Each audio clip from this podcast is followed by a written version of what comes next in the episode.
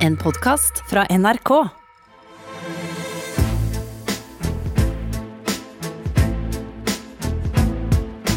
Trump mot verden med Gjermund Eriksen og Sean Henrik Matheson.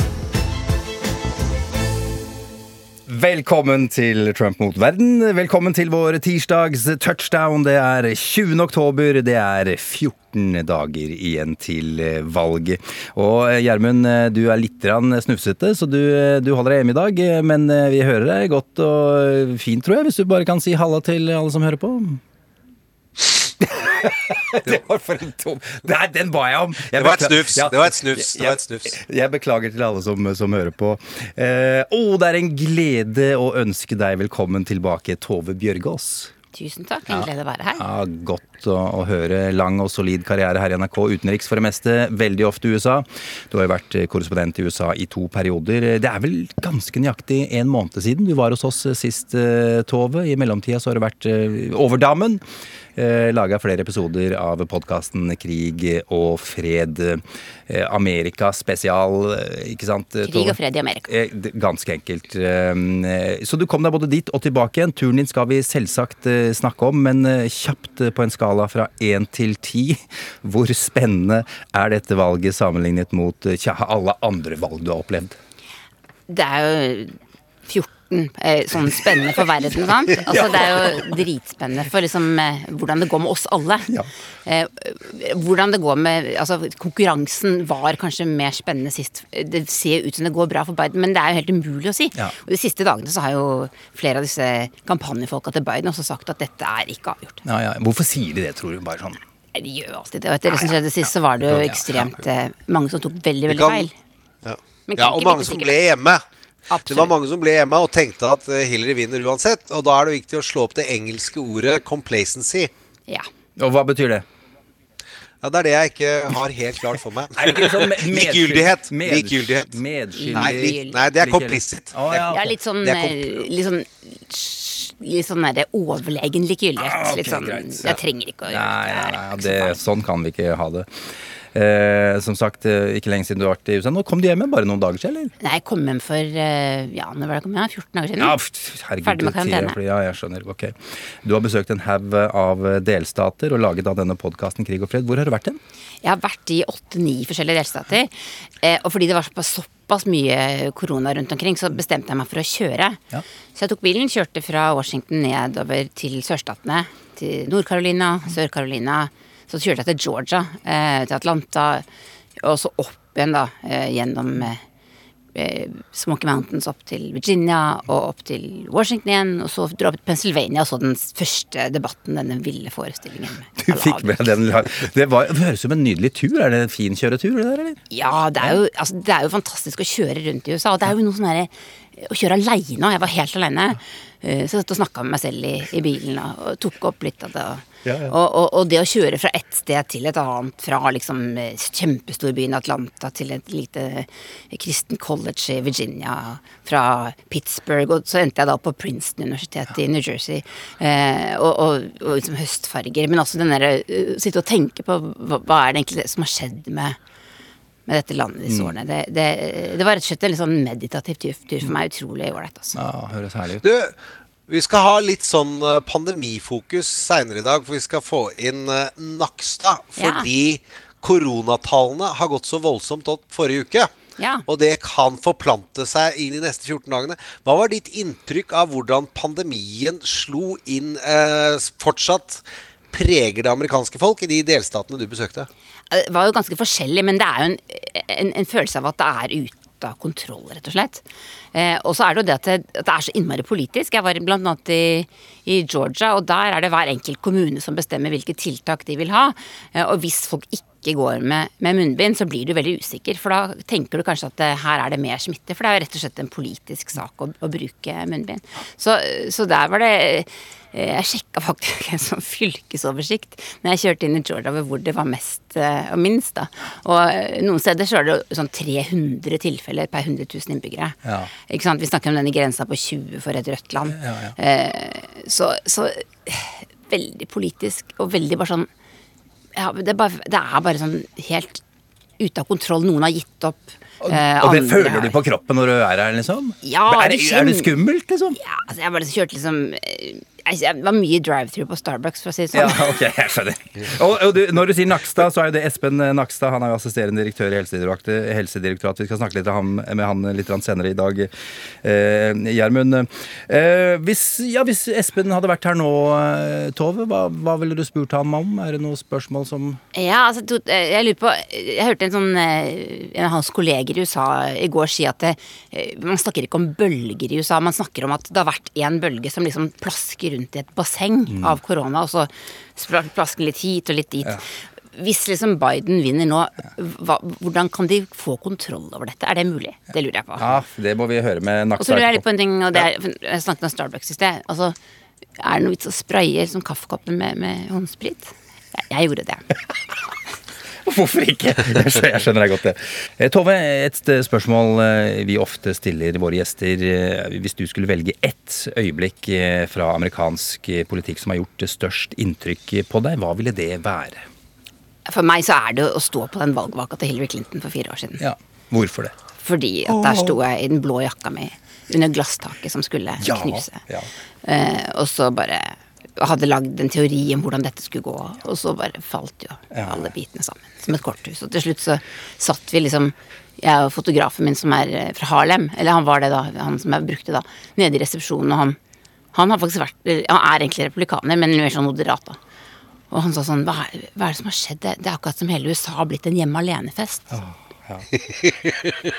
Og ikke blant de kule gutta. nei, Så tok jeg et bilde når jeg gikk gjennom eh, gatene på Manhattan den natten. Det var liksom sånn rart, sånn, akkurat som alt Det var litt sånn oppstveldig på en måte. Akkurat som alt var sånn Jeg tror jeg har kommet på feil klode. Ja. Det var noen rare lys, og sånn rødt og blått og liksom taxier. Det var merkelig. Å, herlig. Eh, er, er det riktig at du har bodd her i over 15 år? Sånn cirka? Cirka det. Cirka 15 år, Tove. Det er veldig lenge. Hva er det du liker best ved å bo der, eller hva savner du når du er hjemme her i Norge? Jeg savner jo folka. Eh, Uansett hvor mye de krangler, så savner jeg jo den amerikanske energien. Hva, er det, hva slags energi er det? Det er det der at du liksom bare snakker med folk du møter på gata. Du, du, du, du går liksom ut av døra, så snakker du bare med alle. Eh, og så, er, så har du en ålreit Så er det sånn Altså, du, du på en måte eh, Jeg er ikke egentlig så veldig utadvendt. Jeg er egentlig litt sånn jeg er egentlig litt sånn introvert, så jeg liker egentlig å, være det for meg sjøl. Men du kan få liksom akkurat passe dose sosial kontakt, og så kan du bare gå hjem etterpå. Sant? Ja, Eh, ja. Så det er et fint sted å bo aleine, egentlig. Ja, ok, Så du får litt sosial eh, effekt, og så kan du bare være for deg sjæl? Ja, og så er det liksom ja, Det er jo alt dette som skapes. Det er jo denne kreativiteten. Altså alle, alle filmene, alle bøkene, alle ideene, alle universitetene. Alle folka som jobber livskitten av seg eh, for å få et bedre liv. Men det, skal, det, har jo, det er jo overrepresentasjon av folk med både eh, ADD og andre ting, men også bare veldig mye kreativitet. Ja, okay. Vi er glad i ADD sånn. Ja, vi elsker det jo. Det er jo Ja, noe vi, har vi har embraced opp gjennom åra, Gjermund. Det er helt riktig. Uh, vi skal snakke om de i USA som, som du er aller mest opptatt av, og som du faktisk skriver bok om i disse dager. De unge. Forever young, I want to be?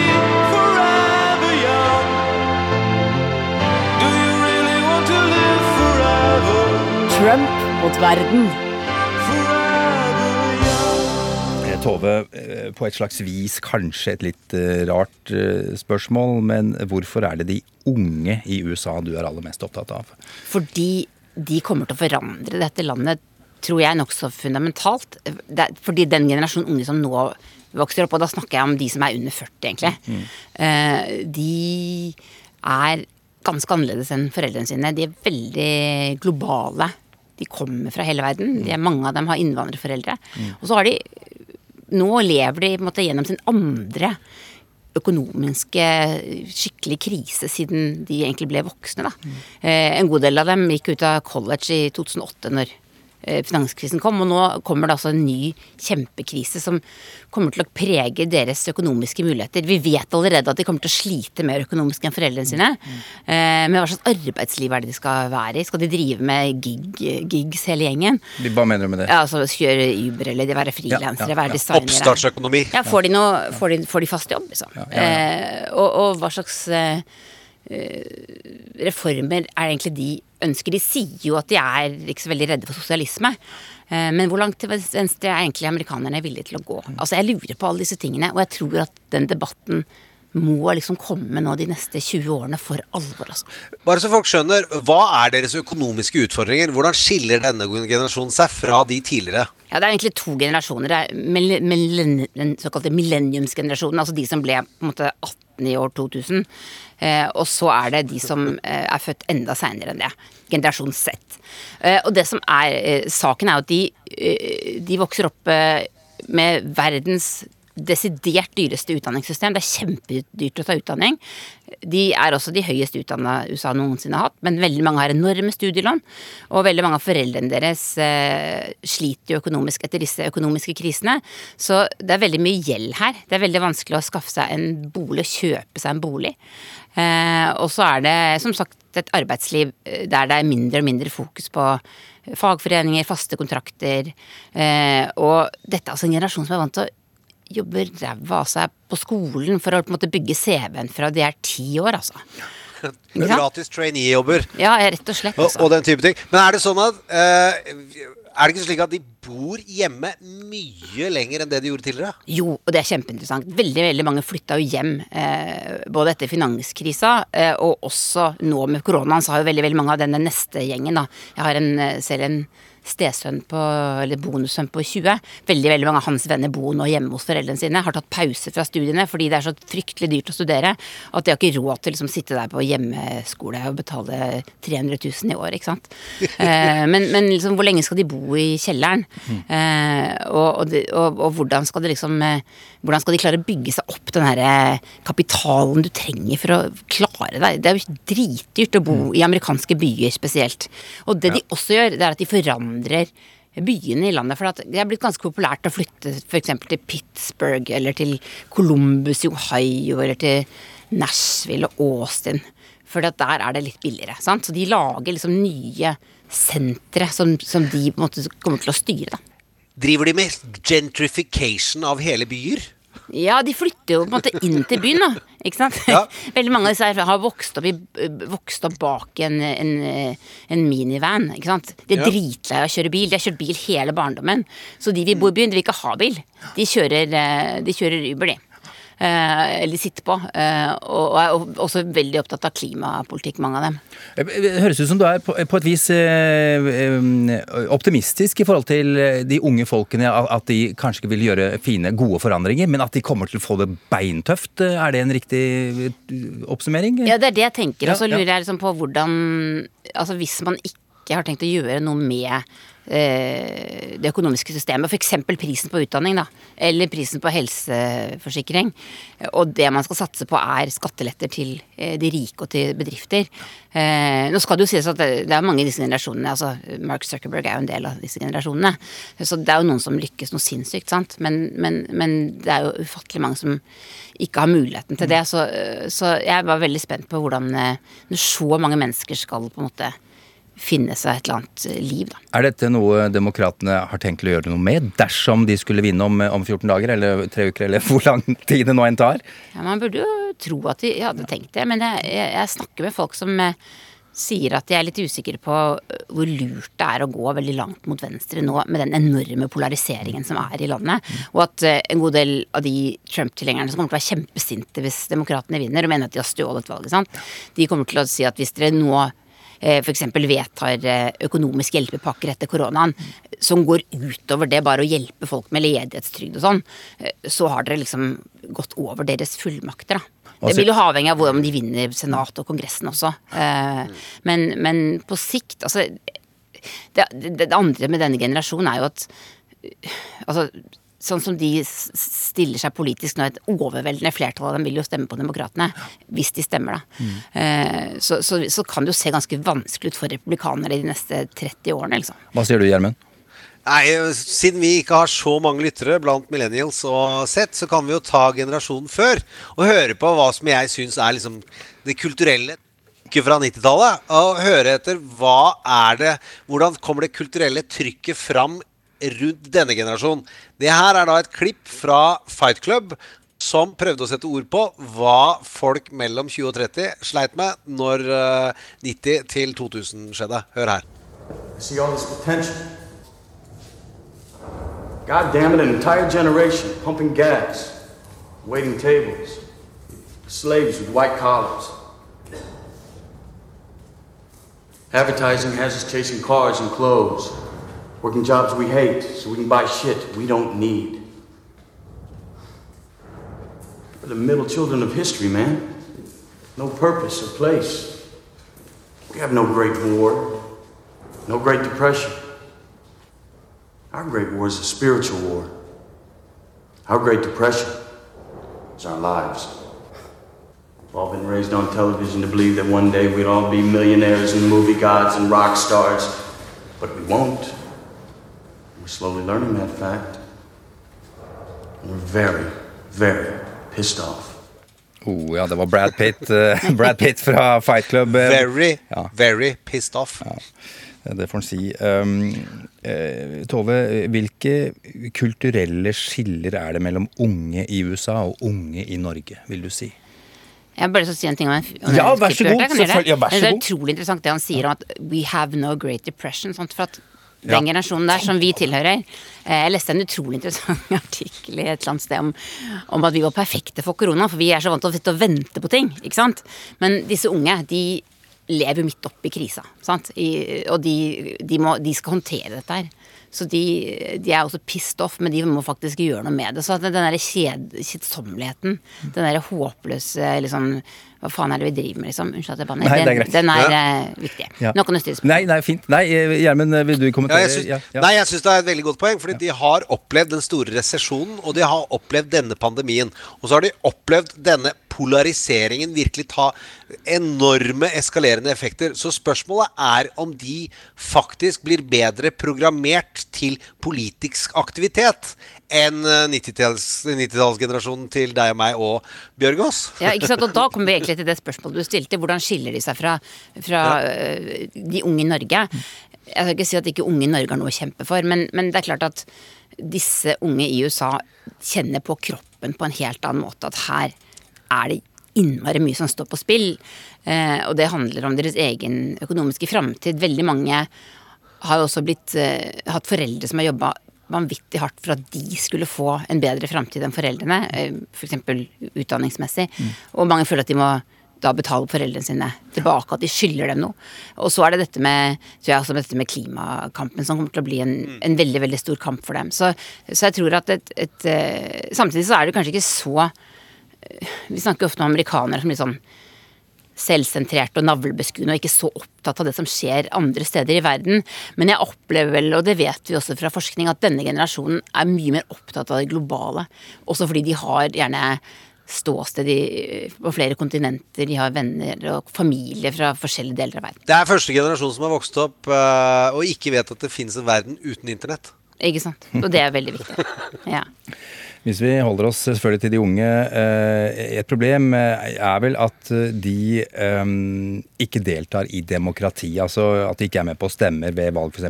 I 2016 var det bare 43% mellom 18 og 29 som, eh, som stemte.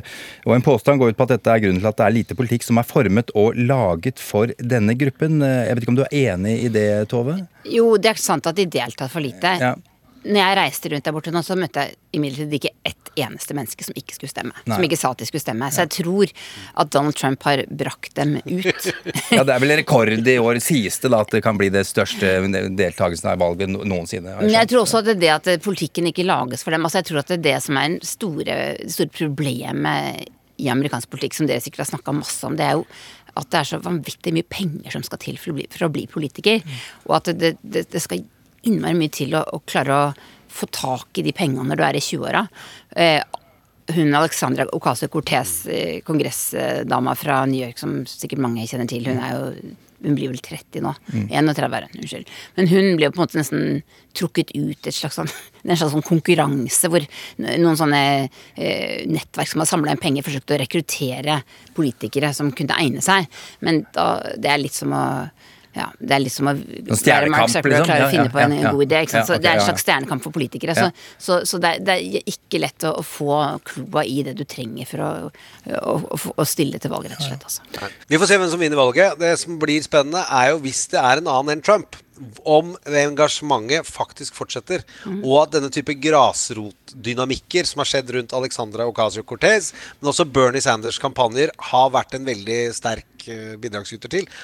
Unge folk deltar, engasjerer og gir 1, 2, 3, 4 dollar. Uh, det blir spennende. Men, men, eh, men eh, altså, de stemmer, de har ikke, i hvert fall foreløpig ikke stemt så veldig mye. Men, men gamle Bernie Sanders han har jo draget på de unge. Hvorfor har han det? Fordi at han han snakker om det de trenger. Han, han forklarer Han er jo altså Jeg har stått jeg på, var husker første gang jeg var på valgmøte med han. Var i Virginia. Det var 5000 mennesker. Nesten alle var i begynnelsen av 20-åra. Han sto i en og en halv time og, og, og på en måte la ut om marxistisk teori, altså. Eh, men, men de er sultne på, på et, et alternativ. De, de har på en måte gjennomskuet den, den derre middle of the road, liberalistiske Også til demokratene. Eh, at vi kan ikke gå Vi kan ikke ha for mye eh, government-innblanding her. Fordi det det, er ikke, det er ikke USA. Vi må passe på at vi ikke gir for mye penger til, til folk og Ikke sant? Vi, må, vi kan ikke ha så høye skatter, for det er farlig. De, de, har, de har på en måte gjennomskuet eh, De vet at De leser om det som skjer i Skandinavia, og det snakker Bernie Sanders om. De vet at det er ikke så forferdelig dyrt å, å bo i Skandinavia. Du betaler ikke noe særlig mye mer skatt hvis du tar med det du betaler i helseforsikring, og ikke minst det du betaler for utdanning og, og barnehage, da, hvis du skal ha barn. sant? Og så er det jo det at Bernie Sanders har stått for det han står for i dag, i 1970. Og den type Ja. autentisitet og genuinitet. Og Ja. du skjønner når han snakker. Han er opptatt av hva 20-åringen har av muligheter. Det var Det sier Hillary Clinton, og jeg tror Hillary Clinton var det også, jeg. Men hun er og var opptatt av åtte andre ting like mye. Ja, og, Eh, Bernie Sanders er mest opptatt av de unge, altså. og faktisk pensjonistene. Så det er, de midt imellom har han uh, slitt litt med innlevelse, men de to er de gruppene han har snakka om. han har vært helt lik hele tiden. Han er Bernie Sanders, han. Altså, han er, han er seg sjøl. Det liker de. det er ikke så rart, det. Eh, fra de unge til noen andre håpefulle, håpefulle vil det er på tide å snakke om, om de som mener at politikk bør styres av de med best kontakt med de høyre makter, de kristenkonservative. Og apropos penger, så drar vi da en bro via Johnny Cash og Personal Jesus. your own personal Jesus. Someone to hear your prayers, someone who cares. Your own personal Jesus. Someone to hear your prayers, someone who's there. Tove, på dine reiser rundt omkring eh, i USA så, så har du jo møtt en haug av forskjellige mennesker på forskjellige steder, eh, også kristenkonservative. Eh, Hvordan er de, hvis det går an å si det på den måten? Veldig hyggelige. Ja, er de det, ja? Ja, de er så hyggelige. Åh, ja, de er så hyggelig. Så jeg har egentlig vært i masse sånne kirker opp igjennom. Ja. Sånne kjempekirker med mange tusen på gudstjeneste. Ja. Jeg, jeg, jeg vil ikke si at det er spesielt kristen, men jeg er liksom litt sånn tiltrukket av det der fellesskapet, tror jeg. Ja. Eh, men jeg var altså i På den turen her så var jeg i et sted som heter Lynchburg i Virginia. Der ligger noe som heter Liberty, Univers uh, Liberty Universitetet. Det er det største kristne universitetet i USA. Og det er også en slags maktbastion for denne kristne høyresida, da. Okay. Som Mike Pence blant annet Ah, nettopp, ja, akkurat, ja, ja. Så der var jeg og snakket med en, en god del unge eh, som forklarte meg hvorfor de stemmer på Donald Trump. Mm. Ja, vi kan jo høre et klipp fra denne podkasten eh, og den episoden jeg lagde da jeg var i Virginia og snakket med de. Eh, og her skal vi høre Kim, og hun forklarer hvorfor hun mener det er greit å tilgi Trump for den livsførselen han har, rett og slett, som kanskje ikke virker så veldig kristen. Eh, eller hvorfor det, det var han som ble valgt, som de sa. For om det er folk eller om det er noen andre som velger Trump, det var de kanskje ikke helt sikre på. Eh, flere av dem mente faktisk at Trump kanskje egentlig er innsatt av Gud. No one is perfect. Jesus has forgiven Trump just like he's forgiven me. And for us as regular people to hold someone to a standard that's not even realistic for a human is wrong. Ah, ok, ja. Blir tilgitt, altså. Sånn skikkelig av Gud og Jesus og alt sammen. Ja, hun Ja, mener at. Jesus har tillit, Ja, både. Trump og henne. Ja. Eh, Men, men er de, altså, lever de annerledes? Altså, De tenker åpenbart annerledes enn en oss vanlige folk, for å bare si det veldig enkelt? Altså, Ja, dette er jo folk altså disse, Det er jo veldig mange forskjellige eh, Også kristne konservative i USA. Men dette her er, det er som jeg var, dette var en baptistkirke. Så de tror jo på vekkelse og omvendelse og, og har voksendåp og sånn. Men de går ikke rundt i liksom med, med rare hatter eller harangeskjegg eller sånn. Det er, ikke, altså det, er, det er ikke en sekt. Dette er en kjempestor menighet hvor det kommer 9000 mennesker eh, hver søndag. Eh, Og, og slike kirkesamfunn, de såkalte Også disse som man kaller seg sånn non-denominational, altså som ikke tilhører en av de store kirkeretningene i USA, er jo også veldig populære. For dit kan folk komme, eh, også f.eks. katolikker fra Latin-Amerika som ønsker seg noe litt annet. Ja. Eh, Så det de er opptatt av, er jo liksom eh, hvordan de moralske verdiene i det amerikanske samfunnet må holdes eh, oppe. Da, og at det f.eks. at de kristne eh, blir eh, marginalisert av demokratenes agenda. At man f.eks. dette med homofile, eh, ekteskap, men også f.eks. sånne ting som denne debatten man har hatt om hvilken, hvilken do man kan gå på hvis man er eh, trans. Liksom, sant? Det, er- det er noe som har blitt en ganske stor sak etter at det ble en diskusjon om det i valgkampen i 2016. Så, så, så liksom at demokratene skal bli liksom det partiet som skal eh, være veldig opptatt av både etniske, men også andre former for seksuelle minoriteter, f.eks. Ikke sant? Eh, og at da vil de kjempe mot dette. Da. Så, så, så de er opptatt, veldig opptatt også av det som skjer selvfølgelig nå i Høyesterett. Altså, Du kan tenke på hva som skjer med en kultur og generasjon der du ritualiseres til hver søndag. Ta innover deg én til en og en halv til to timers tung ideologisk påvirkning. Det er klart at de tenker og mener en del annerledes om verdier enn eh, folk som ikke gjør det. Det er klart at de hadde, når jeg var der nå, så sa presten Han sa jeg skal ikke fortelle dere hvem dere skal stemme på, men, men, men vær så snill å stemme. Og ute i lobbyen så kunne du registrere deg for å stemme. Og dagen før så hadde de sendt 1200 studenter med buss til Washington DC for å gå en sånn eh, bønnemarsj mellom Det hvite hus og eh, kongressbygningen. Og det var jo ikke tilfeldig, for det var dagen, den samme dagen som Amy Coney Barrett ble lansert som Ok, høyesterettsdommer. Men, men eh, jeg må si at jeg har eh, bærer på en del fordommer mot eh, denne gruppen, og det tror jeg veldig mange andre gjør også. Er, for, er, de, er det greit? Eller for- formidles deres verdensbilde på en rimelig måte, syns du? Har jeg rett i å ha mine fordommer mot denne gruppen? jeg tror Jeg har også snakket med f.eks. en professor eh, her i Norge som er pinsevenn, som mener at eh, blant norske eh, frikirkelige, da, så er det få som støtter Donald Trump. Altså som, som tenker på sånn som de gjør. Han mener også det er problematisk å si at Trump er, er en slags eh, oppfyllelse av en profeti eller innsatt av Gud. Fordi det blir veldig vanskelig å kritisere en politiker som Gud har innsatt. ikke sant? Ja, ja. Så, så at vi kan, man, kan ikke, man må skille religion og politikk. Eh, og at dette er blandet mer sammen i USA. da. Eh, men det er klart, det finnes jo mange forskjellige Det finnes jo mange, mange kristne i USA som ikke tenker sånn som disse. 70% av befolkningen sier fortsatt at de tror på en, en eller annen eh, gud. Eh, men det er jo stadig færre som går i, i kirken, og, og, og det er nok en eh, eh, det, altså Disse miljøene bærer nok preg av at de føler seg trua. Og, at, og at det som har skjedd med Trump altså Han har, han har jo virkelig eh, benyttet anledningen til å skaffe seg støtte ved å, virkelig å gå inn for de sakene de eh, tror på. Han la jo fram en liste før han ble valgt i 2016 over dommere han kunne tenke seg å, å, lansere til, til Høyesterett. Og du kan jo tenke deg hvem som hadde hjulpet ham med å lage den lista. Ja, ok, jeg skjønner. Jeg tror jeg trenger ikke si det engang. Men, du, men når du snakker om Trump og disse velgerne, eh, denne gruppen, hva slags tak har han på denne gruppen for tida? Sist så stemte 85% av dem på ham. Ja. Eh, og det er en del som har sagt at de ikke ønsker å gjøre det igjen, men blant de jeg snakket med, så var det ingen som ikke hadde tenkt å stemme på Trump. Så han har, dette er liksom bortsett fra eh, kjernetilhengerne hans, så, så, så er dette en veldig viktig del av grunnfjellet hans. Altså. Og de er mange, de er jo nesten en fjerdedel av eh, Altså nesten 24 tror jeg det er av befolkningen sier at de er evangelicals, altså evangelikale kristne. Gjermund, hvilke filmer eller serier eh, om dette miljøet kunne du, eller ville du nevne her, eh, hvis du skal gjøre det?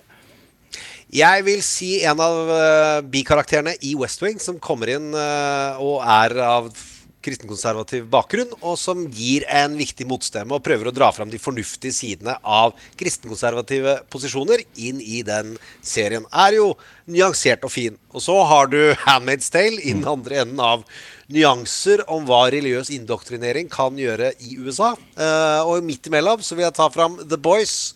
Hvor en av karakterene har kristenkonservativ bakgrunn og er en kvinne som vel hun får stilt noen spørsmålstegn ved hvordan disse vekkelsesmøtene egentlig har fungert. Ok, ja, men bra. Det er spennende. Jeg, har ikke se, jeg orker ikke se Handmaid's Tale, og The Boys syns jeg er altfor creepy.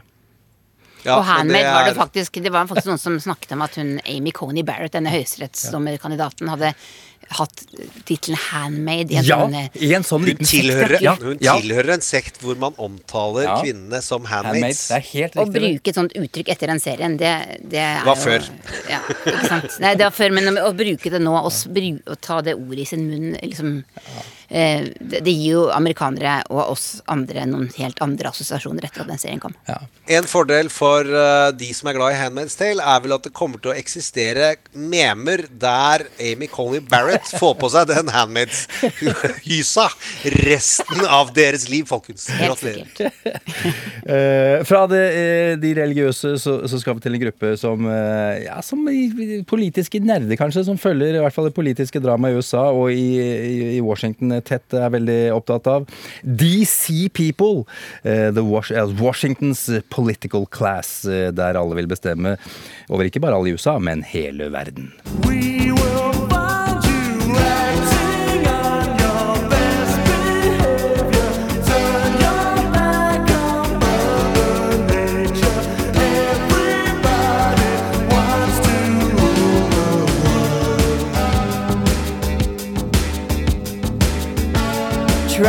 mot verden. Eh, Washington, eh, maktens sentrum eh, i USA, må det vel kunne gå an å si. Det er vel der du har bodd aller lengst i alle disse årene dine i USA? Altfor lenge, Alt- som vi, som vi som har bodd der, pleier å si. Hvorfor sier dere det? Fordi det er en boble. Ja, det er en boble. Jeg har bodd både i Georgetown, som er et sted som mange har sett, har sett mye til i West Wing og i, i andre filmer, som The Post for eksempel. Eller, ikke sant? Mm. Eh, og så har jeg også bodd i Chevy Chase DC. Litt artig at det heter Chevy Chase. Ja, Ja, det det er det. er så artig. Er det? Det er Ok. Det er altså en forstad forstad til DC, den første forstaden i Maryland, som er liksom veldig velstående, da. Eh, og, og der eh, bodde jeg faktisk i et hus som vi kjøpte. Eh, veldig sånn idyllisk liten gate, ikke et veldig stort hus, men, men da Trump ble valgt, så leide faktisk overgangsteamet til Trump huset nede i gata. What? Fordi Mike Pence trengte et sted å bo. Ah, wow. Så under innsettelsen av Trump i 2017 så var det ville demonstrasjoner utenfor huset vårt med LGBT, regnbueflagg, dans, og de hadde sånn dragshow og alt mulig. Det hørtes jo veldig flott ut. Og alle naboene kjøpte I support plant Parenthood. Sånne abort, jeg er for abortskilt. Og det var, De gjorde det. For alle naboene var jo selvfølgelig Ja. 98 demokrater. ikke sant? Selvfølgelig. selvfølgelig. Så det er en boble. Men du, altså, vi som jo liker å se på TV-serier og filmer eh, og sånn, og gjerne om politikk og makt, eh, vi legger jo merke til at det- er mye dealing og wheeling og sånne ting som foregår på utesteder og, og restauranter. Eh, Der møtes de, og så gjør de lyssky avtaler og tar hverandre, shake hands, og så, og så går de videre. Så er det sånn på ordentlig? Ja. Ja, det er det på ordentlig! Jeg digger det. Så fett. Absolutt. Og du kan jo sitte på altså det er jo, i, I disse seriene har vi jo sett mange av disse stedene. Og det er liksom Hey Adams Hotellet, det er en bar i kjelleren rett over gata fra Det hvite hus. Det er Old Ebbet Grill, som er en institusjon som sikkert har vært i mange West Wing-episoder. Det er en, en masse av steder. Og så forandrer det seg også litt med eh, altså Det som skjedde under Obama, var at eh, det som hadde vært et sånn, sånn dårlig strøk i, i Washington, det som heter Logan Circle, som ligger rett nord for Det hvite hus, eh, oppover langs 14. eller eh, 14. til ned til 9. gate, som hvis noen har vært der. Der var det veldig mange av de unge stafferne han som flytta. da. Eh, Så da ble også de stedene der liksom dealesteder. Wow, det høres veldig kult ut, Gjermund. Der skulle vi faktisk vært hvis vært, det ikke hadde vært Kapp Korona. Der- Dere må dra dit. Ja, vi skal. Jeg har vært der en gang, eh, faktisk. Det er mange år siden. Du har jo nevnt litt eh, allerede, Tove, men, men eh, 98% av menneskene som bor der, er demokrater. Er, er det så enkelt? Er alle enige i denne bobla? Nei, og det er jo sånn at når det er en eh, republikansk administrasjon, så er det jo mange republikanere som flytter til Washington. De bytter ut 3000-4000 mennesker i, i, i byråkratiet hver gang man skifter president. Eh, men, men liksom disse spillerne som lobbyistene og eh, alle disse byråkratene som også, ikke sant lever og ånder for denne kulturen. Eh, alle disse pengene. Det er jo veldig veldig mange av dem som jobber i administrasjonen fast, som er eh, demokrater. Og, eh, og, og, og som også elsker dette livet med nettverksbygging. Ja. Middager og drinker og møter og, og lunsj. Og ikke minst masse sånne lunsjmøter overalt på tankesmier og rundt forbi. der. Men, men du har jo vært der nå. Hvordan merker man i byen nå, da du var her sist, at, at det kan skje forandringer? Er det noe rar stemning der nå, eller hvordan er, merker man Folk liksom? håper altså det, det, det, det, det, det er nesten så du kan merke en sånn Nå har jeg, jeg bodde der både da Bush ble president, og da Obama ble president, og da Trump ble president.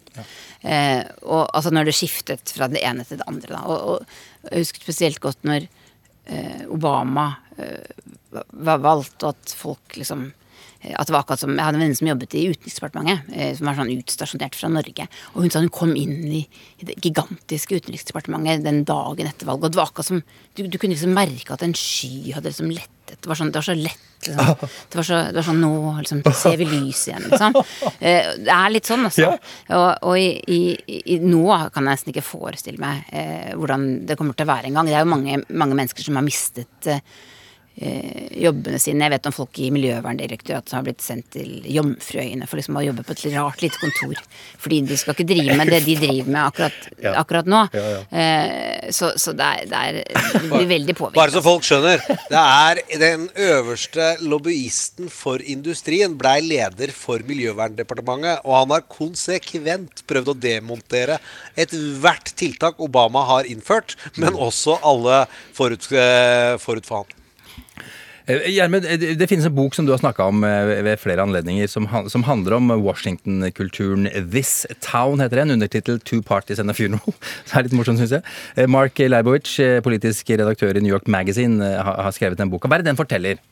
Nei, den er, den er Først og fremst er den glimrende skrevet, for han har en utrolig syrlig og observerende rolle og tone. Han er kommentator ofte på ABC, tror jeg. Men han skriver da en bok som starter med Tim Russert, den legendariske lederen av 60 Minutes sin begravelse. Og så skildrer han hvordan også Obamas inntog i Washington var preget av en kynisme eh, fra nettverket rundt ham. Om nå skulle makten, en ny form for makt, innta Washington. Og så spilte de på mange av de samme strengene. Og da er det ene er nettverkslysten og nettverksopptattheten som preger veldig mange av de spillerne som kommer seg inn i Washington. Og så er det mediedynamikken. Det å være på. Det å være inne i disse i Washingtons skravleklasse. Og hvordan folk prøver å kapitalisere på det. Og så er det pengespillet og maktspillet. Pengespillet handler om å være der hvor de store pengene er, og makten er hvem som kommer til å vinne det neste kvartalets politiske resultater. Og den boka er ganske iskald. Og det virker som folk liker Mark Leibowitz, selv om han skrev den i en ganske kald tone. Eh, og det er eh, viktig, tror jeg, for å skjønne maktspillet i Washington. Og skjønne hvor mye av det som er et avtalt spill. Altså hvor mye som handler om eh, handlinger som vi ser ned på, men som de ser på som en nødvendig del av det å komme seg opp og fram i politikken. Han er en veldig skarp observatør. Altså, han er sånn som alltid har vaka rundt eh, og fulgt veldig tett med på det som har skjedd. Han har skrevet mye for New York Times Magazine. Jeg møtte han en gang i New Hampshire eh, under primærvalget der. Når jeg sto og gikk live, og, det kom en sånn eh, noen husker Ron Paul. Ron Paul var en sånn libertarianer. Det var en sånn, litt sånn Tea Party-fyr som kom over og, og demonstrerte bak meg mens jeg gikk live, og da kom Leibowitz bort og spurte hva jeg syntes om dette. Eh, Og da fortalte han litt at han drev og skrev eh, Han fulgte spillet, liksom. Men han har veldig gode kontakter, og det er en utrolig fin bok. Eh, og den skildrer også disse, disse sosiale livet, da. Som, som, som vi snakka litt om i sted, i Washington. Hvordan Det er jo en ganske liten by, dette her, egentlig. Eh, Så, så det er jo på en måte lett å komme seg rundt på folk sine fester, men akkurat nå er det jo litt litt som skjer, da. Jeg tror dere to hadde tonen godt sammen. Ja. I forhold til deres eh, Hvordan dere ikke Du beskrev deg selv som ikke være og hypersosial. Det virker som han også trives i den observerende rollen. Ja, det, kan, det, det, det vet jeg ikke så mye om, men det tror jeg kanskje. Han kommer fra, jeg tror han kommer fra Washington, og så er han da kjent for å skrive langformats dybdeintervjuene til New York Times og New York Magazine, tror jeg. Jeg, jeg, jeg mente at jeg Du har rett i det. Jeg leste meg opp litt på han i går, Gjermund. Tove, du har tatt med deg en av dine favorittscener fra politiske dramaer i, i fiksjonen.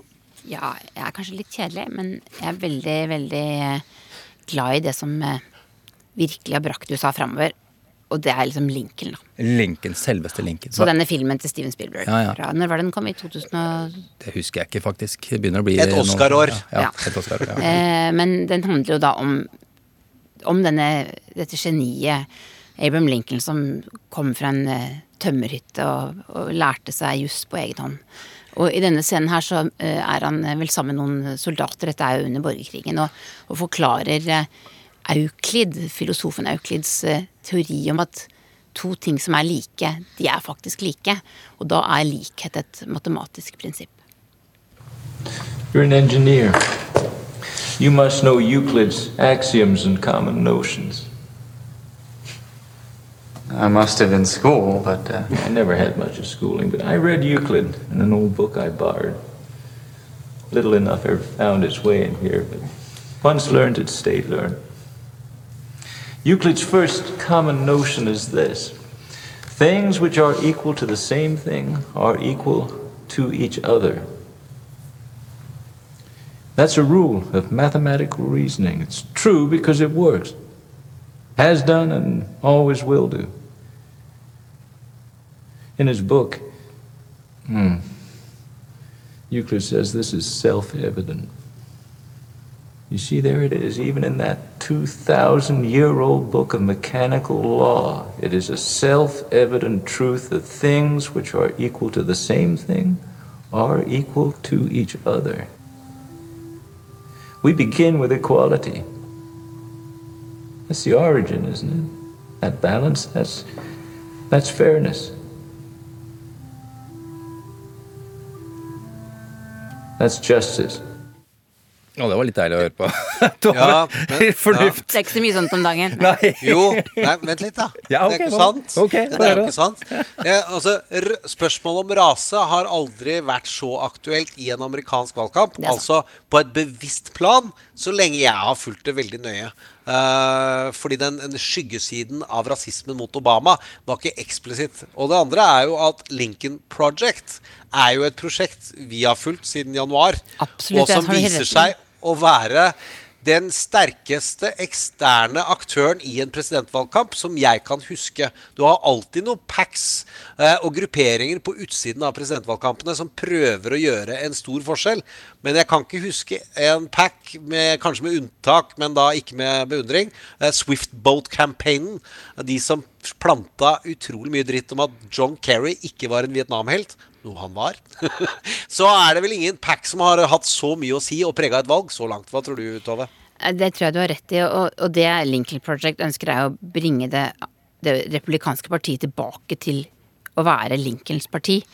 Og, og, og, Lincoln han var med på å skape dette partiet som et parti mot slaveri, altså for likhet. Og, og så kan man jo føre likhet inn i mange andre sammenhenger, og jeg tror altså at USAs svøpe nå er ulikheten, og det er ulikheten som gjør at USA har kommet dit de er i dag. Eh, og det er ulikheten som skaper denne enorme splittelsen. Eh, Tove, det hadde vært innmari fint å runde av med litt turistinformasjon sånn på Ja. dampen. Hvis det går an å spørre man om det. kan bli turist får håpe. Ja, ja, ikke sant? Hva er det vi alle bør gjøre i Washington, eh, jeg holdt på å si utenom det opplagte, jeg vet ikke helt hva det skulle være, men hva er det, hva er det liksom vi kan gjøre for å oppleve Washington på ekte, på et vis? Vi må ta en tur ned disse gatene. Jeg snakket med dette nye nabolaget som heter Shaw. Eller nye, det, altså det gamle, svarte Washington. Eksempel gå nedover eh, 9th Street i Washington. Der ligger det gamle jazzklubber fra når afroamerikanerne eh, virkelig levde sine liv der. Nå er det blitt ganske gentrifisert, men man kan gå nedover der. Man kan ende opp nede på Ben's Chili Bowl, som er en pølsebu som ble startet i, på 60-tallet, og som overlevde de voldsomme raseopptøyene i 1968, da store deler av, av de nabolagene ble brent ned av rasende demonstranter. Eh, Så slike ting er veldig veldig viktig for å oppleve Washington. Og så er det jo eh, all historien. Altså man må også, hvis man liker film, så må man jo ta og vandre rundt i for eksempel i Georgetown og se de husene der John F. Kennedy bodde, og der man hadde liksom disse selskapene, der kanskje Catherine Graham i Washington Post eh, bestemte seg for å publisere Pentagon-papirene. ikke sant? Det er jo, det er jo, eh, alt har jo skjedd her, da. Så, så det er en fantastisk by. Eh, og selvfølgelig også noen av de mest fantastiske museene hvis man er interessert i politikk i verden, og de er gratis. Du, hvis, vi, hvis jeg og Sean kommer oss til Washington, og det er jo det viktigste ved hele den Trump mot verden-podkasten, at det ender med at vi er i Washington, kan vi ringe og ha deg på øret, og at du kan være hun der Zoe i 24 og bare geleide oss at nå er det 100 meter igjen til den pølsebua. Stay on it, stay on it. Ja, Stay on target, stay on target! det er klart det. Det er bare å ringe. Det er klart. Siste spørsmål. Hva er beste man kan dytte i seg av mat uh, i Washington? Som også er litt sånn ekte, da. Altså, akkurat i Washington så er det jo Jeg, jeg har jo litt sans for de der eh, ribsene til han eh, House of Cards til Kevin Spacey. Hva hva det Finnes han på ekte? Ja, altså, det er jo noen steder der oppe som Ja. Altså Barbecue er jo Litt sånn rar barbecue i Washington er, er jo også kult. Men ellers er jo, er jo mye bra krabber. Krabber, ja. Crab cakes. Eller å ta og kjøre ut til det som vi kaller for The Eastern Shore, like utenfor byen, altså i Chesapeake Bay, Maryland, og spise eh, blue crabs fra krabber fra eh, kysten der ute. Med sånn, eh, sånn krydder. Og så får du ut alt det. Du legger det da utover et svært bord med avispapir. Du får en hammer som du slår disse krabbene med. Herlig. Du får eh, øl og maiskolber og kålslå. Jeg vil ha hvitvin. Ja, du kan få hvitvin. Det er greit. det, det, er, det er veldig Washington-området. Tove, i, i, på, om to dager så kommer en ny episode av, av podkasten Krig og fred i Amerika. Den må du som hører på laste ned med en gang. Det handler vel litt om det samme som vi har snakka om i dag, gjør ikke det? Så vidt det er. Ja, den skal Bare handle om dypere og de- bedre. De, Dypere den skal, handle- ja, den skal, der skal vi få lov til å møte Mm. eh, to av disse unge som jeg snakker om, som har helt forskjellig utgangspunkt her i livet. Dypere dypere og bedre er helt opplagt, eh, Gjermund. det er greit. Eh, tu, Tove, eh, Tove tusen takk for at du kom på besøk. Eh, Gjermund, nå, Ja. nå skal du snakke med Espen, Nakstad. Ja, og da skal jeg komme på en utrolig viktig og relevant sang for å ta oss fra Bjørgaas, de unge i Washington, til eh, koronadød og Espen Nakstad.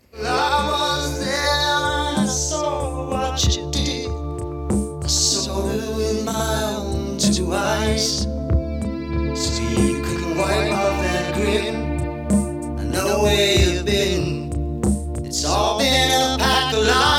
In the Air Tonight spilles av Donald Trump på sine valgkamparrangementer. Men det er også en god sang som beskriver spenningen folk kjenner og føler på i hvordan pandemien ruller ut i USA.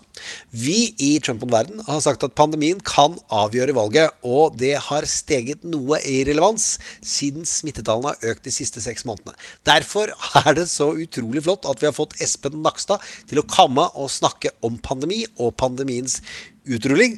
Eh, men jeg eh, har da eh, satt meg litt inn i at mannen har vært en god del i USA. I ulike sammenhenger. Og vi må da begynne å spørre, med, spørre hva er ditt forhold til USA? Jeg har nok egentlig et godt og varmt forhold til USA, sånn som de fleste andre nordmenn, egentlig. Jeg har jo vokst opp med amerikansk musikk eh, og filmer og kulturpåvirkning, selvsagt, som, som eh, veldig mange andre i Vest-Europa på 70-, 80-, 90-tallet. Eh, og så kjenner jeg en del mennesker i USA og har vært mye der også, eh, både på ferie og i andre sammenhenger. Så, så eh, jeg vil si jeg har et godt forhold til USA. Det er et eh, land jeg liker å besøke. Du har jobba der, har du fortalt. Hva var det du gjorde der? Nei, jeg var eh, sånn eh, Da jeg var student og litt etterpå, så, så jobbet jeg eh, for eh, såkalte non-governmental organizations, altså en paraplyorganisasjon for opprettelsen av straffedomstolen i Haag. Og da var jeg sammen med andre europeiske unge jurister og jusstudenter og bisto i arbeidet da i disse kommisjonene i FN-hovedkvarteret for opprettelsen av denne nye domstolen i Haag, som skal da erstatte Rwanda-tribunalet og Jugoslavia-tribunalet. Så da var jeg der i veldig mange perioder, eh, fra to til fire uker i strekk. Eh, Bodde i Midtown. Eh, Jobbet lange kvelder, eh, non-profit, eh, inne i FN-hovedkvarteret. Og lærte både særlig New York å kjenne, men også FN-systemet. da. Så det, det var interessante år. Og det, hvordan var du altså, var, ditt, hvor, var du der under 11. september, eller var du der rett før eller etter, eller begge deler? Nei, du, jeg var faktisk eh, eh, på det første flyet, tror jeg, fra Europa, i hvert fall fra Norge. Eh, Etter at luftrommet åpnet etter 9-11, så var jeg på vei over Atlanteren. Og Det husker jeg veldig godt, fordi det flyet var helt tomt. Det var bare meg. Jeg tror kanskje det var én annen passasjer på det flyet. Eh, og vi fløy til New York, og det var fordi at eh, denne forberedende kommisjonen for opprettelsen av denne straffedomstolen i Haag, den hadde møte i hovedkvarteret i FN. Og Kofi Annan prioriterte dette som det eneste møtet som skulle avholdes. Alt annet var jo avlyst i FN-systemet, og folk var jo ikke på jobb.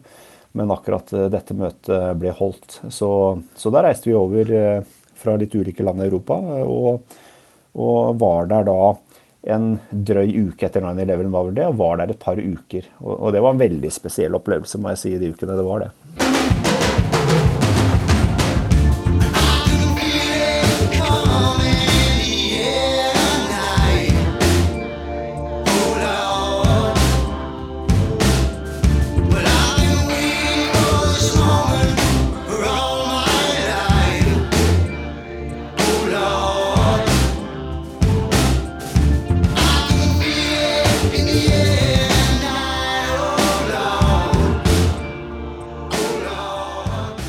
Ja, for det har vært en solid endring i smittetallene de siste 14 dagene, og som fikk stadig større fokus mot slutten av forrige uke i nyhetsmediene, og som vi snakket om litt i podkasten i fredag.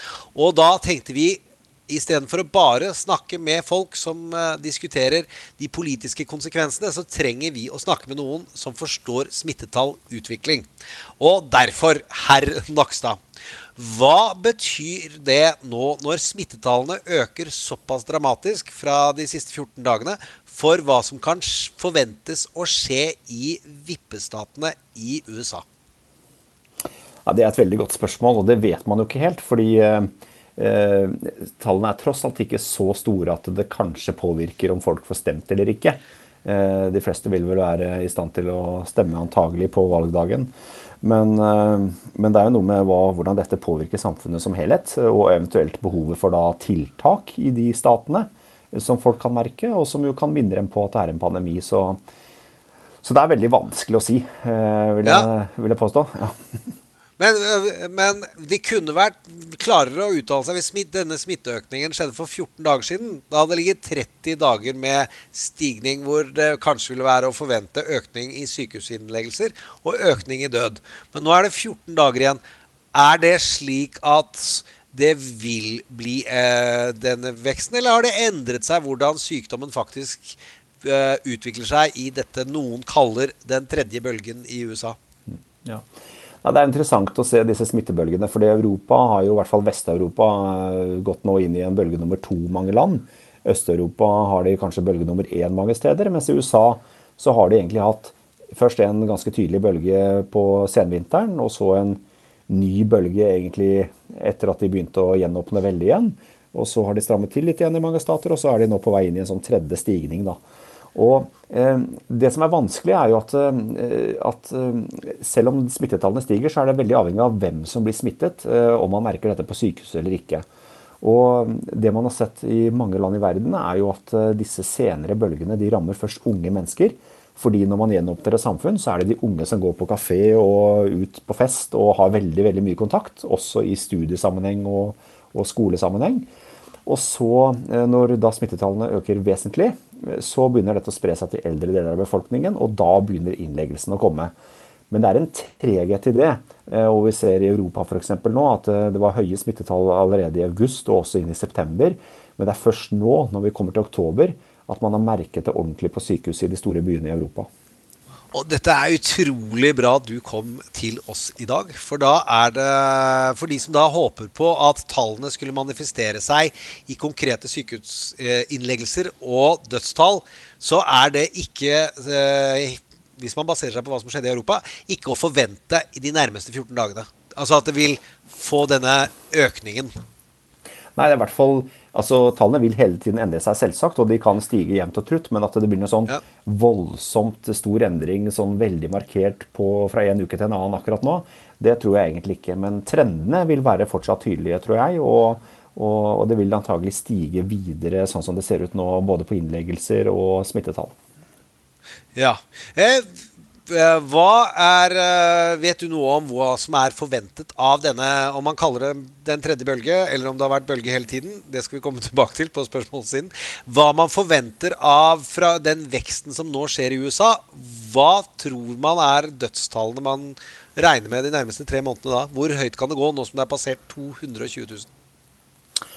Nei, Det er vanskelig å si. Jeg har jo registrert at man i USA i visse miljøer har gått ut og sagt at det kan bli like mange dødsfall nå de neste månedene som det har vært hittil. Og det er jo godt mulig at kan skje. Men uh, dette er jo rett og slett summen av uh, smittetilfeller og uh, korrelert da for hvilken alder de har som blir smitta, som avgjør. så det er veldig vanskelig å si. Og skulle man lykkes med å slå ned smitten med enten omfattende bruk av hurtigtester eller vaksine når det kommer, så vil disse tallene kunne falle fort også. Men, eh, men, hvis de stiger fort, så kommer også innleggelsene. Og det er klart at USA har vist at uh, dette er en sykdom som har en ganske høy dødelighet. Ja. Eh, til da Hva vi har snakket om, er jo at hvis det manifesterer seg i sykehusinnleggelser og død, så er det sånn, sånt som preger lokale medier der folk bor, og som mm. preger vanlige folks liv. Og derfor kan ha stort utslag også på de som kanskje ville eh, stemt republikansk. At dette kan ha en påvirkning der Donald Trump ikke har verdens største troverdighet. Men la oss holde Trump unna.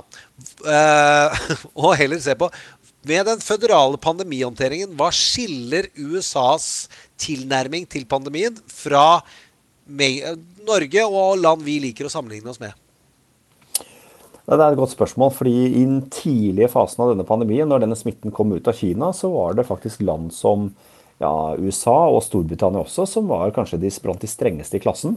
Og hadde jo karanteneplikt og til dels innreiseforbud også, faktisk, eh, fra de landene som hadde smitte. Ehm, men så kom det til en fase da litt senere hvor da de plutselig ikke hadde like strenge tiltak i forhold til andre land igjen. Og dette var særlig tydelig sånn fra mars og utover, eh, hvor man da f.eks. i Norge, men også mange andre europeiske land, innførte veldig sterke smittebegrensende tiltak. Mens man i en del større land øh, ventet litt og kanskje håpet at dette skulle roe seg litt av seg selv. Og kviet seg for å iverksette tiltak som koster penger og som får konsekvenser, selvsagt. Så da, eh, så Det gjorde at smittenivået eh, i de ulike landene utviklet seg veldig ulikt i mars og april. Mens det i mange land gikk rett nedover, og faktisk ned mot null, sånn som det så ut i Norge lenge. Så holdt det seg på et stabilt høyt nivå i f.eks. USA. Og dette rammet også ulikt i USA, fordi det var østkysten som fikk den største trøkken først.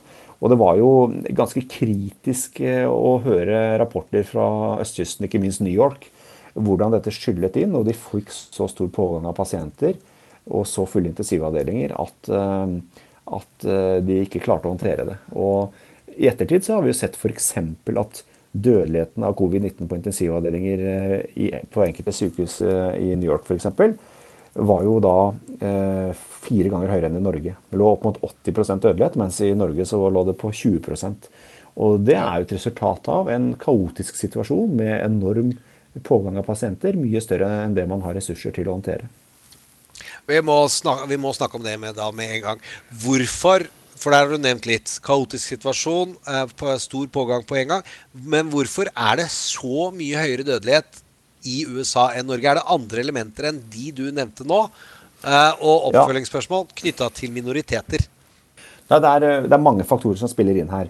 Eh, du kan si at uh, Hvis man sammenligner med Norge, så var det jo sånn at de første som havnet på og som ble veldig syke i Norge, det var folk i 40-årene. Det var jo folk som hadde vært skiturister i Alpene. Og som ble alvorlig syke, mange av dem. Men etter hvert som smitten da sprer seg til resten av samfunnet, så er det de mest utsatte som tross alt blir sykest, og det er de eldste.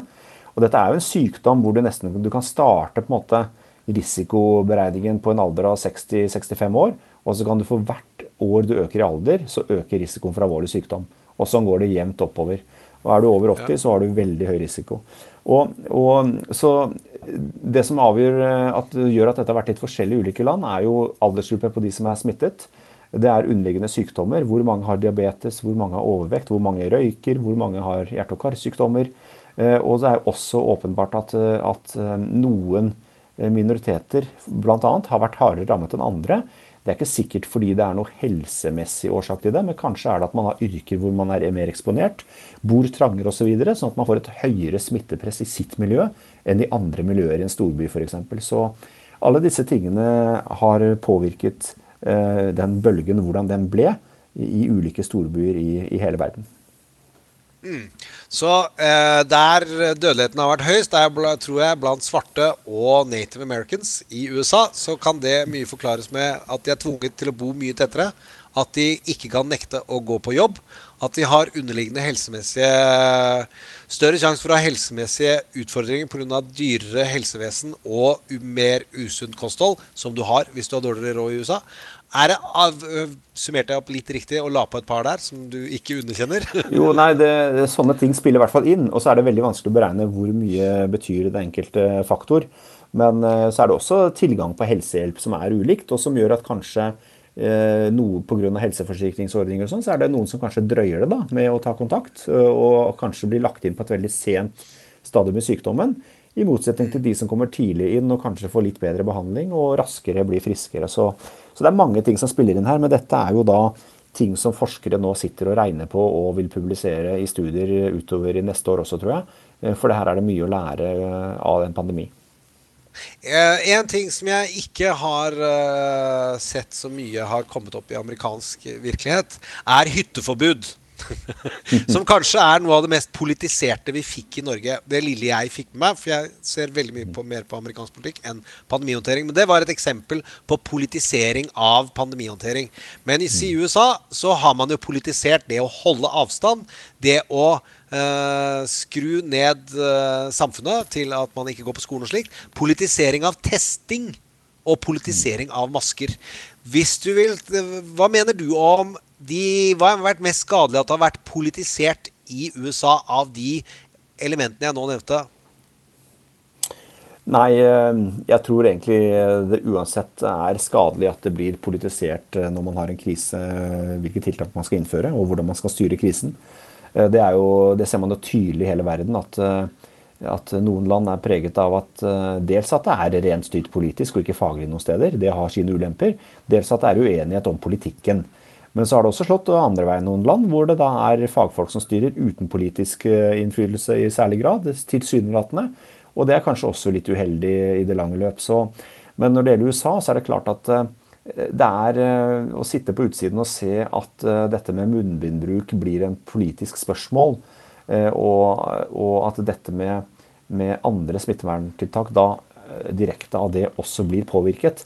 Det er klart det er uheldig når man skal prøve å slå ned smitten på en pandemi. Fordi Hvis ikke du har tro på bruk av munnbind, så har du antagelig ikke tro på at dette viruset er farlig. Og da oppfører du deg heller ikke på en måte som gjør at du begrenser risikoen. Så at her er det mange ting som henger sammen. Men heldigvis så er det en trend nå i USA til at stadig flere erkjenner at dette er et virus. Nå har jo presidenten også vært innlagt. Og, og flere bruker nok munnbind også enn det man gjorde tidligere. Men, men også på statnivå i USA så er det klart at håndteringsmekanismene er veldig forskjellige, sånn som jeg ser det fra utsiden. I hvert fall. Ja, og der er, kan jo jeg trekke fram, som ikke har um, byråkratstatus, men kommentatorrolle, mer at i Florida så har du en guvernør som senest forrige uke løp rundt på uh, Donald Trump-arrangement der folk ikke hadde masker, og tok uh, hva heter det?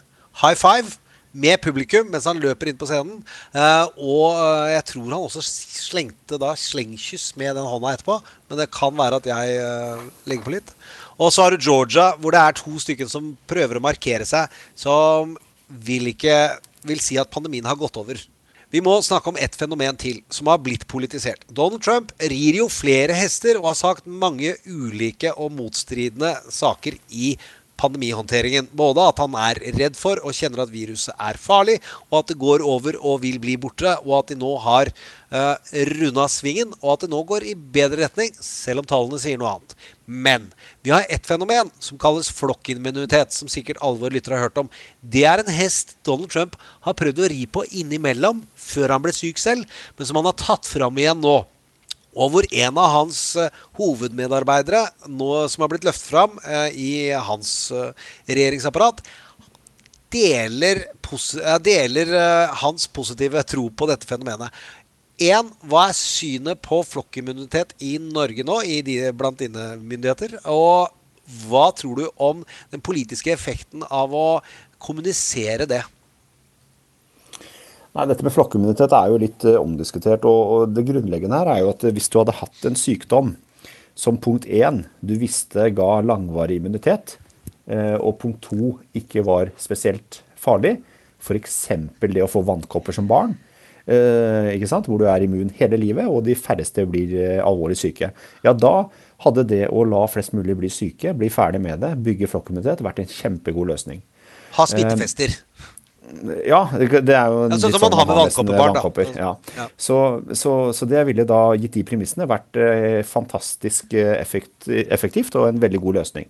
Så er problemet med dette viruset at eh, det for det første eh, er usikkert hvor langvarig immun du blir. Det er tegn som tyder på at den immuniteten ikke kanskje er veldig langvarig. Antistoffene faller fort i blodet etter at du har vært syk. Og, eh, og, det er stadig eksempler på personer som har blitt smittet to ganger. sånn at her, her har vi ikke noe sikkerhet med hvor lenge du er immun. Eh, og, men det, hovedproblemet er jo at sykdommen gjør såpass mange av de som blir smittet, alvorlig syke, og medfører såpass mange sykehusinnleggelser og så mange dødsfall, at det preger samfunnet som rammes, i veldig stor grad. Eh, så eh, dette har jo vist at flokkimmunitet er vanskelig. Men du har jo skrevet bok om beredskap og tenkt mye på hvordan drive med strategisk eller ledelsesrådgivning. La oss si at USA er jo et lappesteppe av 50 delstater, og hvor veldig mange, også i republikanskdominerte delstater, har prøvd å gjøre så godt du kan. Hvis, får, hvis man skal prøve å ta i tur med det, så virker det på meg som om den føderale innsatsen, altså insentivene for å få hjelp føderalt, er det som burde gått opp og hardere og tidligere. Eh, belønne de som vil ta den politiske risikoen ved å sette kraftige virkemidler inn tidlig. Ja, Det er veldig interessant, eh, fordi hvis du sammenligner da Europa og USA, da, selv om det Europa ikke er et land, men vi har jo et EU som, som omfatter det meste av Europa. Men eh, det er uansett sånn at, eh, at hvis du ser på håndteringen i Europa, så var det utrolig dårlig koordinert innsats fra EU i mars og april. Det må være lov å si. Mm. Landene strevde fælt med å bli enige om tiltak, og man kjørte solo og tenkte på sitt eget land og sitt eget folk, som jo ikke er spesielt rart, egentlig, men det var det som skjedde. Og, og, i Italia så er man jo fortsatt uh, veldig skuffet over at man ikke fikk hjelp når det var kritisk der, f.eks. i mars måned. Så EU er ikke noe godt eksempel på at man klarte dette på et, godt på et overordnet nivå. Og man har jo heller ikke klart det i mange andre store land, eh, helt åpenbart. Eh, men samtidig så er det jo eksempler på statsledere, bl.a. Eh, i New Zealand, da, hvor man kan vinne valg ved å ha lykkes med denne koronahåndteringen i stor grad. Så, sånn at dette blir jo til syvende og sist politikk, ganske åpenbart. Men jo større land, jo større fragmentert befolkning, både geografisk og på ulike, ulike delstatsnivåer, jo vanskeligere har den overordnede koordineringen vært. Og jo vanskeligere har det vært å håndtere pandemien, kan det se ut som, i hvert fall fra utsiden. En annen side ved USAs rolle i verden er jo at de har trukket seg ut av WHO eh, sin innsats. Eh, og andre typer innsats, hvor man prøver å samarbeide for å finne løsninger på, eh, problemet pandemi. Eh, hvordan ser du på at de trakk seg ut? Hvor skadelig er det for det å finne løsninger? Og hvor viktig er det at de eventuelt kommer tilbake? Ja, nei, WHO har jo vært en uh, veldig viktig aktør uh, i mange år, ikke minst i etterkrigstiden, for å bekjempe smittsomme sykdommer. Altså Utryddelsen av koppeviruset f.eks. Det var jo 1978 man lykkes med det. det. det. skjedde jo ikke av seg selv. Det krevde jo nitidig innsats, bl.a. med bruk av WHO, i flere tiår. Eh, Og det samme ser vi jo for bekjempelse av polio, som på det nærmeste er utryddet, og en del andre meslinger f.eks. Store vaksineprogrammer hvor WHO har vært helt sentral, godt støttet av USA. Eh, USA har jo virkelig vært eh, eh, den staten som har støttet både finansielt og i praksis WHO i veldig mange tiår. Sånn at Skal du lykkes med global håndtering av denne type problemer, så er det klart at du trenger en, en overstatlig mekanisme, sånn som WHO. Og så er det mye å si om hvordan WHO er styrt og, og, beveggrunner for hvorfor man støtter og ikke støtter, som ikke jeg skal gå inn på. Men det er klart at eh, også nå ved utgangen av en pandemi, så er det veldig viktig å ha eh, et globalt perspektiv på hvordan man skal håndtere dette viruset i de statene hvor man ikke får vaksinert folk så raskt. Og det kan jo være at vi vil måtte slite med dette viruset år etter år i framtiden også, selv om store deler av befolkningen i mange rike land er vaksinert, og det her kanskje ikke er et kjempestort problem hos oss, så vil kanskje dette viruset sirkulere jorda litt på samme måte som influensaviruset etter hvert, og skape regelmessige runder med store problemer for helsetjenesten mange steder. Og da trenger du fortsatt et WHO som kan bidra til å minimere de problemene og jobbe med dette systematisk. Mm. Et annet miljø som det har vært mye om i amerikanske medier og i amerikanske politiske diskusjoner, er jo miljøet rundt Fauci. I amerikanske medier framstiller det som at amerikanerne har vært urimelig gode på nettopp det å eh, forske på, utvikle kompetansemiljøer som kan sikre eh, at man har kunnskap på hvordan håndtere pandemier, og så har de ikke investert nok i det utstyret som skulle til. Har er deres eget selvbilde eh, det bildet du har av deres eh, intellektuelle kapasiteter på området? Eh, eller har de et for høyt selvbilde? Altså, amerikanske helsevesen er utgangspunktet et veldig bra helsevesen, og forskningsmiljøene er utrolig solide i USA. Og det var veldig interessant å se også i februar og mars at de tidsskriftene som faktisk publiserte disse tidligste studiene, bl.a. fra Wuhan, og de som hadde podkaster, faktisk, eh, med, eh, med leger og forskere i Kina, det var jo nettopp de amerikanske legemiddeltidsskriftene. Eller ikke legemiddeltidsskriftene, men de amerikanske medisinske tidsskriftene.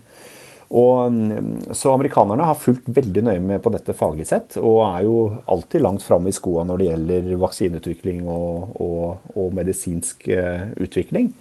Um, og legger mye ressurser inn i vaksineutvikling, selvsagt også, akkurat som eh, man gjør i Europa. Så, så der er man langt framme, men eh, samtidig så er jo dette her utfordringer som man ikke har stått i til vanlig, og som ofte har vi sett krever ekstra finansiering og ikke minst statlig samarbeid for å lykkes. Eh, Og det har jo vært, eh, i hvert fall når det gjelder vaksineutvikling og utvikling av tester for dette viruset, og sånn, vært et viktig internasjonalt samarbeid tross alt. Ting har gått veldig fort fordi man har samarbeidet på fagmiljønivå. Eh, Men det er klart at det fortsatt være utfordringer også for USA oppi det. Du la merke til at presidenten i USA røyk uklar med sin, den som har høyest tillit faglig sett på området, Fauci. Eh, det faktisk i går er jo første gangen Donald Trump virkelig går til frontalangrep på sin øverste faglige rådgiver på området. Eh, hvor skadelig er slikt i en eh, kamp om å få tillit i befolkningen til hvordan pandemien skal bekjempes? Ja, det er klart at det er viktig at man framstår enhetlig både i politisk ledelse og på fagmyndighetssiden, som jo er liksom det øverste helseforvaltningsnivået i en pandemi. Og, og jeg tror jo igjen, Hvis vi skal bruke Norge som et eksempel, da, det betyr jo ikke at Norge har gjort alt eh, korrekt eller eh, best i klassen på noen måte. Det er mye å lære i Norge også. Men det at vi i Norge har vært veldig enige og stått veldig felles om tiltak og vurderinger og håndtering, eh, både det som må besluttes politisk, men også det som gjøres i tjenestene, det er klart det har vært eh, en stor styrke. Og det gjør nok at folks eh, forståelse av det og etterlevelse blir bedre. Og det verste som nesten kan skje, det er jo hvis du har en valgkamp da, hvor eh, de dominerende aktørene sier helt forskjellige ting og råder folk til å forholde seg til pandemien på helt ulik måte. Det er klart at det er veldig uheldig for oppslutningen om, om en pandemihåndtering. Espen Nakstad, utrolig hyggelig at du kunne kikke innom poden vår. Eh, Og så ønsker jeg deg lykke til i det videre arbeidet du står for. Jeg hørte jo på andre podder eh, at du sa at best case så kan det komme en vaksine ikke før valget, slik Donald ønsker seg. Eh, Du sa ikke i november heller, men at det kan komme rett over nyttår. Stemmer det? Ja, ja, det stemmer. Jeg tror, tror at eh, vi i hvert fall vil få vaksiner som blir eh, godkjent av det europeiske legemiddelverket ved nyttårstider. Eh, Om det blir en full godkjenning eller en foreløpig godkjenning, det gjenstår å se. Men at det vil være mulig å begynne vaksinering på andre siden av nyttår, som gradvis kan økes på, det er ganske sannsynlig. Men helt sikre, det er vi selvsagt ikke. Hvor står Norge i kjøp vaksinekøen? Altså Når er det vi kan eh, regne med at eh, det norske folk så rulles det vaksine ut, slik at noen jeg kjenner kan reise til et badeland? Altså, sånn- Nei, altså EU har jo skrevet avtaler med mange av disse vaksineprodusentene, og så fort eh, vaksiner blir godkjent og man beslutter å kjøpe dem, så vil man kunne begynne å distribuere dette i EU, og Norge får da også da kjøpt sin andel gjennom Sverige, faktisk, sånn teknisk sett, eh, som en del av denne EU-leveransen. Og da kan man begynne å vaksinere, men det vil jo ikke bli veldig mange vaksinedoser som sendes ut de første ukene. Dette skal jo skaleres opp produksjonsmessig, og det vil ta tid å få store volumer. Sånn at det blir nok blir flere og flere for måned for måned som blir vaksinert. Og så vil man starte da med en eh, prioritert rekkefølge av hvem som trenger vaksine først i alle land. Eh, Og akkurat den listen sitter jo Folkehelseinstituttet og lager sammen med mange rådgivere. Eh, Og det er jo i korte trekk at de mest sårbare og de som jobber i helsesektoren vanligvis blir prioritert først. Og så blir det et system på da hvem som vil bli prioritert utover i 2021. Så det ser nok ut som at 2021 blir et vaksinasjonsår. eh, Og 2020 blir i hvert fall et pandemiår. Og det er vel sånn vi leser det akkurat nå. Eh, så jeg hørte det riktig at middelaldrende menn med tenåringssønner med stort behov for badeland er øverst på prioriteringslista? Du hørte nok, eh, hørte nok at eh, du må innstille deg på å komme litt sent i køen ja, på den lista, det tror jeg. Og så er det faktisk også sånn at ja, det er ikke sikkert at disse tenåringssønnene, og i hvert fall ikke yngre barn, i det hele tatt trenger å vaksineres. Det er jo heller ja, ikke helt besluttet. Sånn at eh, eh, behovet er nok størst blant de eldste, og middelaldrende og nedover. Eh, og så får vi se helt hvordan disse rådene blir eh, til slutt. Tusen takk for at du kom, Nakstad. Og så må du komme tilbake. Dersom Trump vinner valget, så holder vi på å podde i fire år. Og neste år, når eh, vaksine og pandemi er over, så kan vi snakke mer om amerikansk politikk og din reisevirksomhet der. Tusen takk. Can't you feel my heart? Or can't you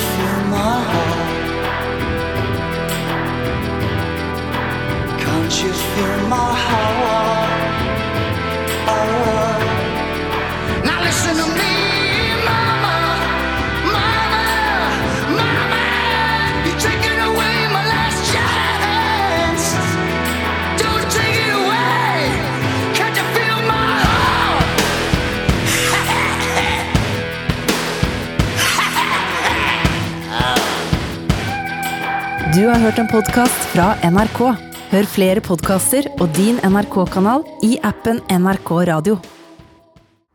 Er det nesten krig i USA nå? Bli med ut på veien for å høre med amerikanerne selv.